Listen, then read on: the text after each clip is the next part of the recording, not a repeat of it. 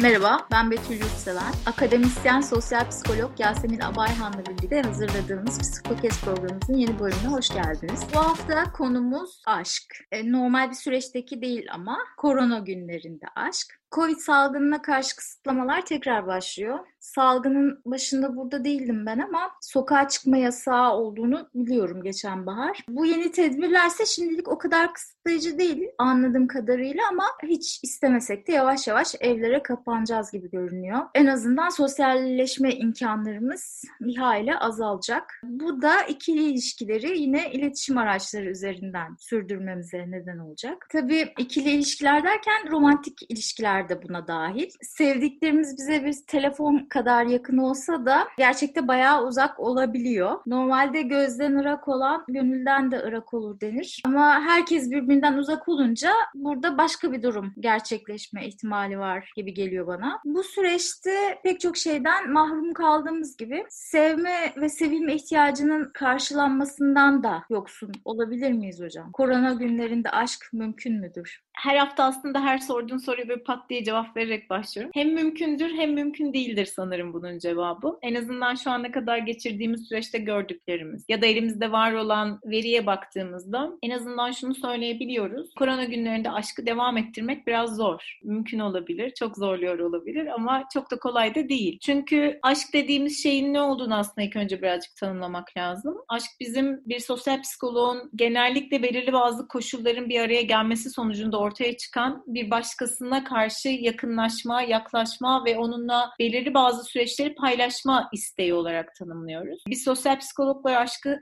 hemen hemen genellikle dış dünyanın koşullarına bağlayarak tanımlarız. Ama klinik psikologlar birazcık daha farklı tanımlarlar bizden. Onlar bunu bazı klinik psikologlar bir nevi patoloji olarak da tanımlarlar. Çünkü çok irrasyonel davranışların gerçekleştirilebildiği, irrasyonel davranışların da kişi için çok meşru kabul edilebildiği bazı zamanları olduğu için bunun bir takım psikologlar tarafından da patoloji olarak tanımlanma ihtimali var ama ben bir sosyal psikolog olarak genellikle çevresel uyaranlara bağlı kişinin sahip olduğu duygu durumundaki değişikliği birine atfetme olarak tanımlıyorum. Bu bahsettiğim de şimdi aslında bizim için önemli bir kuram. İkili duygu kuramı diyoruz biz. Bu kuram diyor ki çevresel uyaranlara baktığınızda bu çevresel uyaranlar sizin fizyolojik olarak uyarılmanızı sağlıyorlar. Ve fizyolojik olarak bu uyarılmanızın sonucunda vücudunuzda hormonal bir değişiklik oluyor ve siz daha alarma geçiyorsunuz. Bu türde bir alarma geçtiğinizde hissetmekte olduğunuz duygunun ne olduğuna etrafınızdaki çevresel uyaranlara bağlı olarak bir değerlendirmede bulunursunuz. Yani bir çok ince bir köprüden geçerken de kalbiniz çok hızlı artmaya başlar. Ama çok ince bir köprüden geçerken kalbiniz çok hızlı attığında korktuğunuzu düşünürsünüz. Karşıdan çok çekici biri gelirken de kalbiniz hızlı atmaya başlar. Orada da o kişiyi beğendiğinizi düşünürsünüz. Dolayısıyla dışarıdaki sosyal uyaranlarla bunun bağlantılı olduğunu görüyoruz. bazılarımızın korku filmini sevmesi, bazılarımızın sevmemesi aslında bu türde bazı bireysel farklılıklarla ilgilidir. Bazen de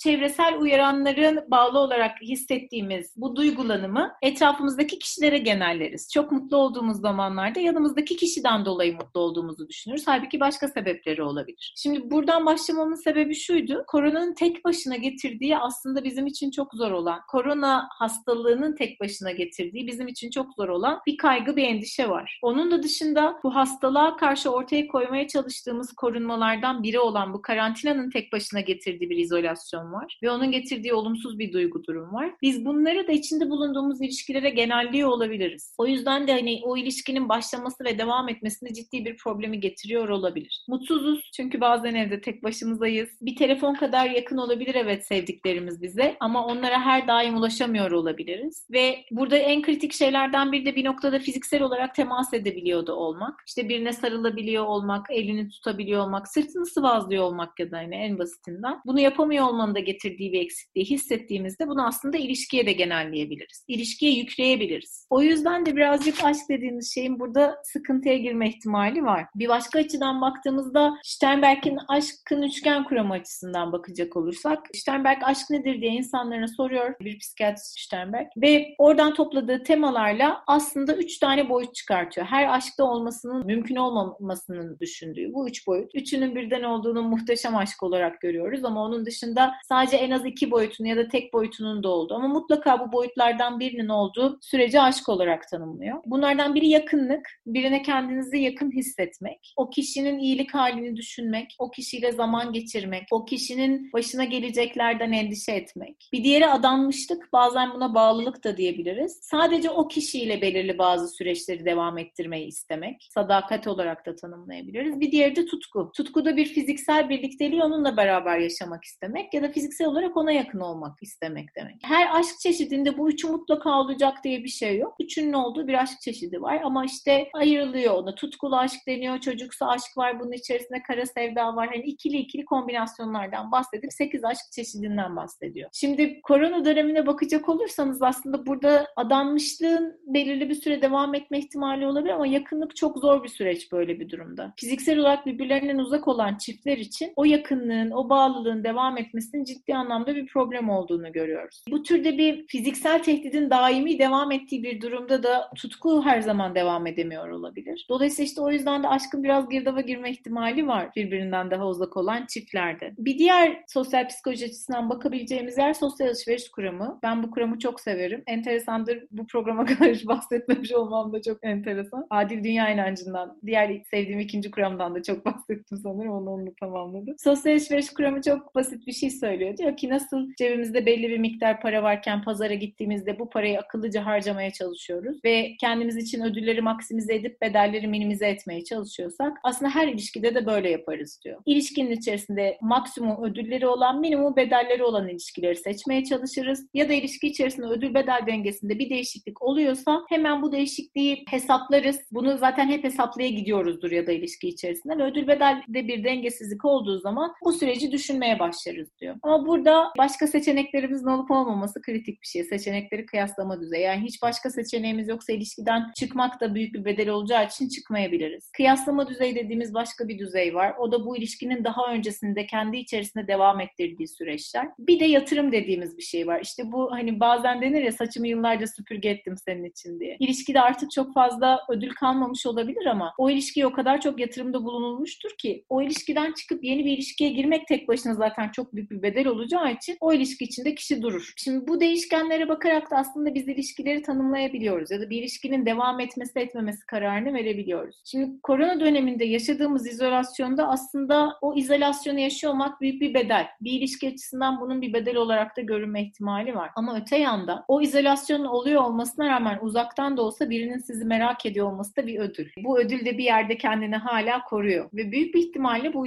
izolasyonda çok daha yalnız kalıp daha yalıtılmış hissettiğimiz için de o ödülün daha da büyük bir önemi oluyor bazılarınız için. Ve bu kadar uzaktan oluyor olmasına rağmen ilişkiyi devam ettirmeye çalışmak da çok büyük bir yatırıma dönüşüyor. Ama ben şundan çok emin değilim. Yapılan bazı araştırmalarda biraz onu gösteriyor. Bu kadar aslında daha doğal olması gereken, daha primitif bir süreçten başlayıp da devam eden temasının çok dijitalleşiyor olması belki bir noktada seçenekleri de daha çok arttırıyor olabilir bireyler için. O yüzden de ilişkiler içerisinde sadakatin günlük hayatta aktığı kadar çok devam etmemiş olabileceğini düşünüyorum. Buna dair bir araştırmayı daha şimdilik görmedim. Şunla şu ana kadar yapılmış araştırmalar birazcık şunu söylüyor. İlişkilerin kalitesinde bir değişiklik evet var. Çünkü iletişimin kalitesinde bir değişikliğin ortaya çıktığını görüyoruz biz. Çok fazla iletişime geçmek de ilişkinin kalitesini düşürebiliyor bazı noktalarda. Sürekli temas etmeye çalışıyoruz. Çünkü gerçek teması gerçekleştiremediğimiz için başka türlü temas etmeye çalışıyoruz. Şöyle düşünelim. Bir türlü doymadığınız için masadan kalkmıyorsunuz. Aynen öyle. Bir türlü doymuyoruz, masadan da kalkmıyoruz o yüzden. Hem böyle bir problem var. Bu da aslında ilişkinin kalitesini düşürüyor. Hem de fiziksel olarak uzak olduğu için çiftler aslında kendileri için farklı mecralar bulmaya çalışıyorlar bu fiziksel süreci dair ihtiyaçlarını giderebilmek için. Bu da başka bir problemi getirebiliyor bu süreçte. O yüzden aşkın burada çok yaralanmış olma ihtimalinin olduğunu düşünüyorum ben. Evet hocam tam bu söylediklerin üzerine bir şey soracağım ben. E, şimdi Roland Barthes, gösterge bilimci Roland Barthes, Bir Aşk Söyleminden Parçalar kitabında aşkla özdeşleştirilen söylemleri ele alıyor. İşte bir kitap halinde söylemleri tek tek kısa kısa bölümler halinde inceliyor. Buradaki söylemlerden benim dikkatimi çekenler işte uzaktaki, bekleyiş, engeller e, ve hatta bu süreçle birlikte gelen bir çilekeşlik durumu. Yani korona sürecindeki romantik ilişkiler söz konusu olunca bu söylemler benim dikkatimi çekti. İşte aynı evde yaşamıyorsan sevgili uzakta. Uzakta olanın bir yokluk hissi yarattığını söylüyor Bart. Uzaktakine kavuşmak için önümüzde duran engeller var. Covid yani. Dolayısıyla muğlak bir bekleyiş söz konusu. Buna bağlı bir edilgenlik hali. Ve bunlara rağmen ilişki devam edebiliyorsa bir çilekeş ruh hali de söz konusu oluyor artık. Sevdiği için aşkı uğruna bir şeye katlanma hissi. Ne bileyim işte onu görememenin acısına katlanma, işte onu göremediği halde başkasına kaymama. Hatta belki o da işte bir fedakarlık olarak belki görülebilir. Şu süreçte ne kadar imkan var bunu bilmiyorum gerçi de bu başkasına kayamama şeyinde. Kitapta bu söylemler kısa bölümler halinde işte şey almış, eli alınmış çeşitli referanslar eşliğinde. Bu kavramlarla birlikte benim aklıma gelen soruysa şu. Uzaktakini Covid engelinin geçmesini bekleyerek aşk büyür mü? Yoksa küçülür mü hocam? Programın başında biz sosyal psikologlarla klinik psikologlar arasında bir farkı vurgulamamın sebebi buydu. Çok sevdiğim bir klinik psikolog arkadaşımın lafı vardır Sedat Işıklı'nın. O der ki kavuşamazsın aşk olur. Şimdi bir klinik psikolog buna cevap veriyor olsaydı büyük bir ihtimalle derdi ki Covid döneminde bu aşkın büyüme ihtimali çok yüksek. Şairler daha diyor hocam. Şairler. Biz sosyal psikologlar biraz daha sanırım rasyonel ya da daha tüccar gibi mi bakıyoruz? Ne oluyorsa sosyal alışveriş kurumundan böyle. Olsun hocam ben şairleri sevmem zaten. Şiir. yani uzaktaki ne ilişkin şöyle söyleyelim. Psikolojik tepkisellik kuramından bir haftada bahsetmiştik belki hatırlarsın. Hani insanın yapmasını istediği bir şeyin önüne eğer bir set çekersen, engel koyarsan, özgür iradesinin kapandığını düşünürse aksine psikolojik olarak daha tepkisel davranıp onu yapmak istiyor. Şimdi burada da öyle bir durum söz konusu oluyor olabilir ama ben daha demin hali hazırda devam eden ilişkiler, devam eden aşklar açısından bunu söylemiştim. Hoş devam eden bir ilişkide artık aşk ne kadar ortada oluyor o da ayrı bir tartışma konusu ama hiç başlamamış olan, daha yeni başlayacak olan ya da bireyin artık kendisinin bir başkasına aşık olduğunu fark ettiği bir düzeyde eğer koronadan bahsediyorsak, koronadan değil de karantina sürecinden, izolasyondan bahsediyorsak, kişinin aslında zihninde gitgide daha büyüttüğü ve bir noktada başlamamış olan ilişkiyi zihninde kendisini devam ettirdiği bir sürece gidebilir gerçekten. O yüzden de büyür. Yani o aşk hissi, aşk her zaman karşılıklı bir şey olmadığı için bireyin kendi içerisinde bu hissin büyüme ihtimali var gerçekten. Ama öte yanda bir şey ne zaman tam olarak aşka dönüşür sorusuna bir cevabı şöyle verebilir bir sosyal psikolog ya da ben. Karşı taraftaki kişiye duyguları ifade ettiğiniz andan itibaren aslında bu aşka dönüşmüyor mu diye bir şey tartışabiliriz. Ve burada da bu ifadeyi yaptığı zaman aslında izolasyon döneminde bunu nasıl yaptığını çok bir önemi olduğunu düşünüyorum. Yoksa evet hani kavuşamazsın aşk olur ya da bunu böyle söylersin. O ilişkiyi tam anlamıyla yaşayıp da o ilişkinin içerisinde ne olacağını görmemek zihinde hep daha olumlu bir şekilde bir devam etmesine sebep olacaktır ilişkinin belki. Ama Covid döneminde zihinde bu ilişkiyi devam ettirirken sadece Covid döneminin veya sadece karantinanın veya hem Covid döneminin hem karantinanın getirdiği o yılgın ruh halinin normalde kurduğumuz o aşka ilişkin hayalleri kurmaya biraz engel olabileceğini düşünüyorum. Bilmiyorum biraz en pesimist cümlelerimi bu programa saklamışım gibi oldu ama. Bence çok realist konuştun hocam ya. Belki kendi aşk hayatıma bağlı olarak. Dolayısıyla hani burada birazcık insanların ilk defa diğerlerine bu kadar muhtaç olduğu bir durumda olduğunu düşünüyorum ben. En azından bizim neslimiz için. Yani kuşkusuz daha önceki salgınlarda da buna benzer şeyler yaşandı. Ve o zaman o salgınlarda da ortaya çıkmış olan romanları biliyoruz, işte şiirleri biliyoruz bugüne kalan süreçlerde. Ama bir diğerine bu kadar muhtaç olduğunu fark etmesi insanın aynı zamanda bir diğerine karşı hırçın davranmasını da getiriyor olabilir. Yani bu tartışma bence birazcık bunun üstünden de gidebilen bir tartışma. Halbuki aşk sadece hırçınlığı veya sadece ona muhtaç olmayı değil de onun yanında olmayı, onun iyilik halini düşünebilmeyi, onun yerine bazı şeyleri yapabilme isteğini de içinde barındıran bir şey. Yine altını çiziyorum biz sosyal psikologlara göre. Çünkü gerçekten yani bir psikiyatriste de bir klinik psikolog aşkı çok daha farklı tanımlıyor. Aşkın bir sürü farklı tanımı var. Ama ben birazcık daha işte yetişkin ilişkilerindeki o devam eden daha olgun süreci aşk olarak tanımlıyorum sanırım. O yüzden bunların da koronada birazcık zedelenmiş olma ihtimali var diye düşünüyorum. Hocam tam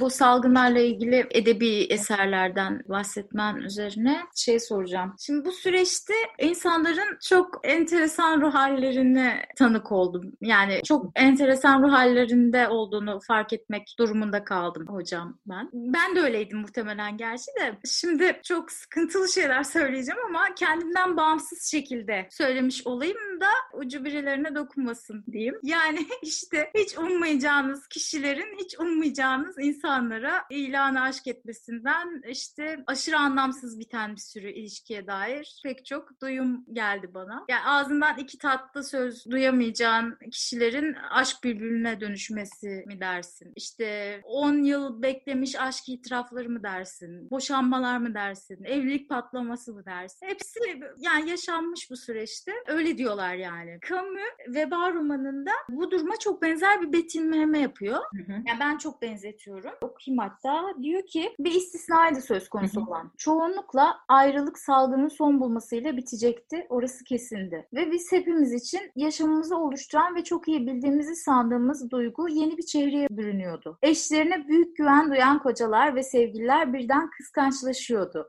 Aşk konusunda kendilerini hercai sanan erkekler sadakate dönüyorlardı. E, yani evet karantina altındaki küçük bir şehirde yaşanan salgın Hı-hı. sürecindeki ilişkileri böyle tanımlıyor kamu. Yani ne dersiniz hocam? Tutumlardaki bu değişimler kalıcı mıdır yoksa istisna mı bu durumlar? Yani bana ya bu... gelen duyumlarda bir sıkıntı mı var dersin? Şimdi birinin mutluluğuna mani olma riskine rağmen yapacağım bu yorumla. Bizim çektiğimiz programları sevmeyenler altına gelip kadın muhabbeti yazıyor ya. Bu hafta kesinlikle böyle yorumlara maruz kalacağım.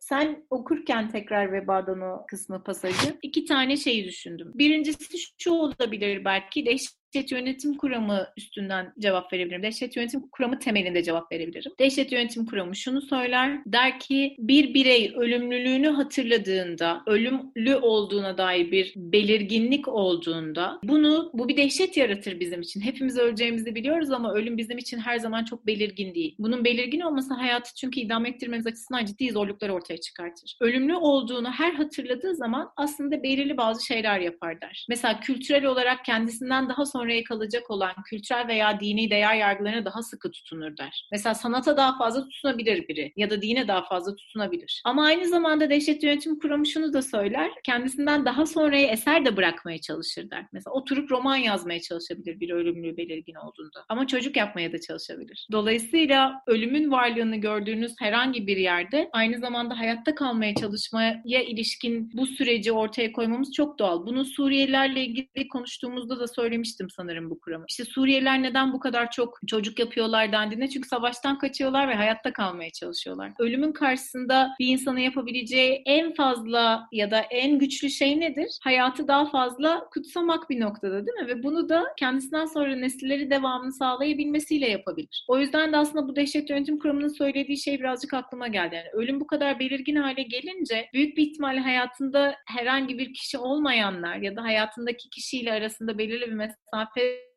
olanlar ben daha sonraya ne bırakacağım sorusunu sormaya başlamış olabilirler. O 10 yıllık ilan aşkların birazcık böyle bir motivasyonla ortaya çıkabildiğini düşünüyorum ben. Bir diğeri de yine çok haddim olmayarak daha Freudian bir şekilde bakılabilir bu sürece. Dediğim gibi yine çok haddim olmayarak orasını vurgulayayım ama şöyle bir şey söylüyor Freud benim hatırladığım. Diyor ki bizim için yıkmakla yapmak aslında sırt sırta. Yani saldırganlık ve sevmek bizim için çok önemliler ve sırt sırtalar. O yüzden de işte Eros ve Thanatos der. Hani Eros'la Thanatos sırt sırta duran ve insanın içerisinde bulunan ve o libidinal enerjiyle de kendisini dışarıya vuran iki tane bizim için önemli yapıdır der. Şimdi burada baktığımızda aslında hem saldırganlığın hem yıkmanın hem de yapmanın, üremenin bir arada bulunduğu bir süreç var. Çünkü dışarıda sürekli yıkılmakta olan bir şey var. Yani her gün kaç kişinin öldüğüne dair haber okuyoruz. Tanıdığımız insanlar ölüyor. Tanıdığımız insanların ailelerinden biri ölüyor. Ve bu yıkımı gördüğümüzde de aslında biz de belki bazı şeyleri tekrar yapmaya yönelik de bir dürtüsel bir tavır da sergiliyor olabiliriz. O yüzden de aslında bu bu sürece mi özgüdür dersen evet bu bu sürece özgü. Ya da bunu tetikleyen şey bu süreç. Ama bu ilanı aşkların daha sonrasında uzun süreli bir aşka veya ilişkiye dönüşüp dönüşmeyeceği de sanırım her iki tarafın kendi maharetine kalmış bir şey. Ve geldik sansasyon köşemize. Hadi bu, bakalım. Bu hafta sansasyonu bir başkadır dizisinden bağımsız düşünmemiz mümkün değil herhalde. Mümkün değil.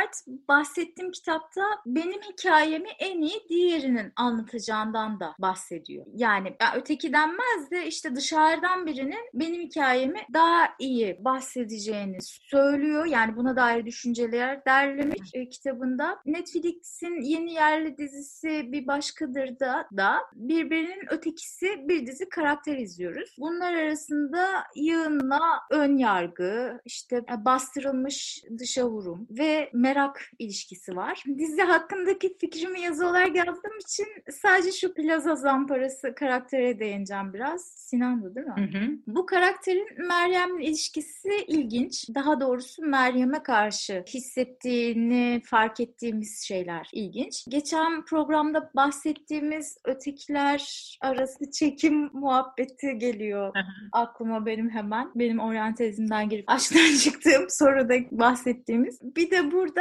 Bart'ın yine atopos dediği söylem de söz konusu olabilir. Atopos yani sınıflandırılamazlık herhalde. Hı hı. Muhatabını sınıflandıramayınca kendini sınıflandırılmış hissetme halinin aşk söyleminin üretilmesinde bir yeri olduğunu ifade ediyor. Yani kar, mesela karşındakinin o kadar özgün olması ki senin hiçbir zaman o özgünlüğe ulaşamayacağın için dandik olman. İşte karşındakinin o kadar günahsız olması ki senin daha da günahkarlık duygusunda boğulman gibi durumlardan bahsediyor. Peki sorum geliyor. Bu Sinan ne ayak hocam? Yani her programda daha şaşırmam dedikçe daha şaşırıyorum.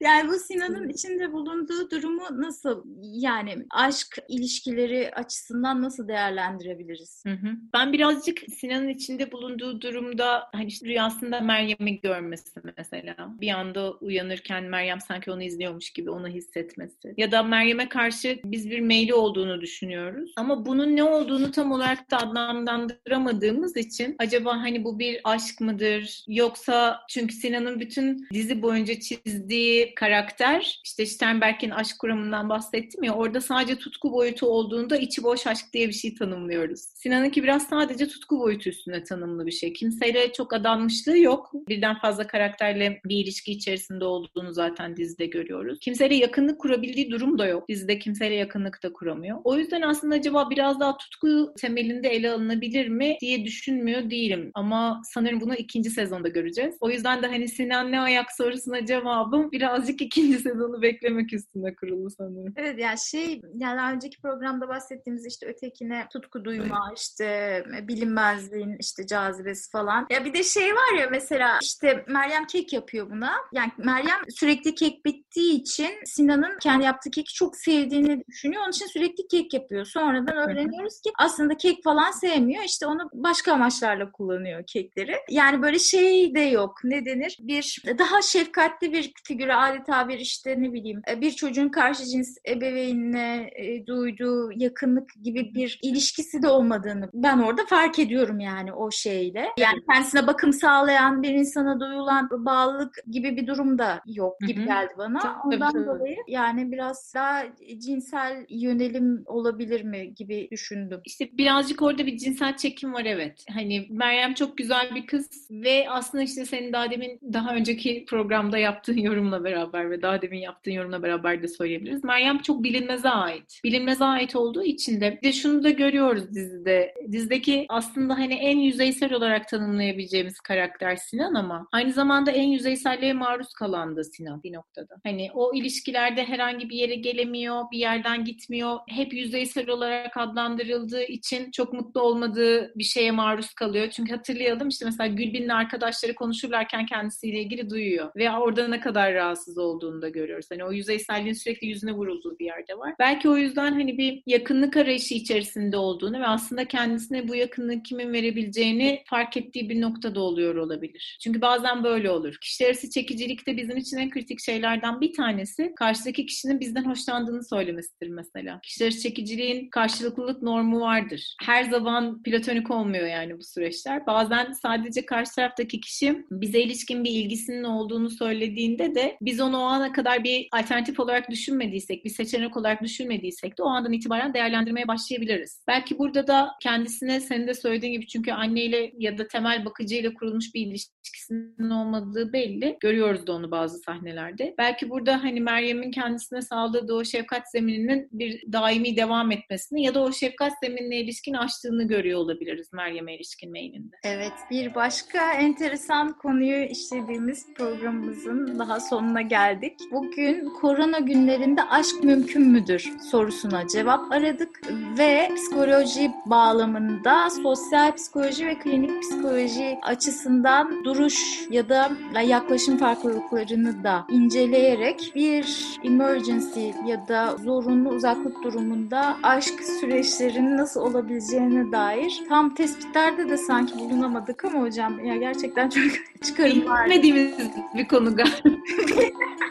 Bence çok kimse çok bilmiyor yani. E, bu programdan sonra da şeye geçelim hocam. Şairleri neden öldürmeliyiz sorusuyla birlikte. Kimseyi öldürmemeliyiz. Onun cevabını hemen verebilirim. Neden öldürmeliyiz diyelim de uzak durmalıyız. Korona günlerinde aşk sürecinin nasıl olabileceğine dair yürüttüğümüz soru bağlamında sosyal alışveriş kurumu, aşkın üçgen kurumu, psikolojik tepkisellik kurumu ve dehşet yönetimi kuramlarından da bahsetmiş olduk. Daha doğrusu Yasemin Hocam bunları bize anlattı. Kendisine bütün dinleyicilerimiz adına teşekkür ediyorum. Bizi dinlediğiniz için teşekkür ederiz. Programla ilgili geri bildirimlerinizi sosyal medya hesaplarımızdan ve mail adreslerimizden bize ulaştırabilirsiniz. betülseven.gmail.com ve yasemin.a.hacettepe.edu.tr adreslerine yorumlarınızı bekliyoruz. Haftaya görüşmek dileğiyle. Hoşçakalın. Görüşürüz. Hoşçakalın. Koştuk atladık, atladık suya. Peşimizde bin bir düşmanlar varmış güya. Aşkımız her zamanki gibi tehlikede. Kaçarken bir balık attı bizi ağzına. Neyse ki ölmedik, çıktık karaya. Bir otobüs durdurduk gidermiş Ankara'ya. Aşkımız her zamanki gibi tehlikede. Bıraktılar bizi örümcek ağlarına. Dedin ki bize bir şey olmaz ben korurum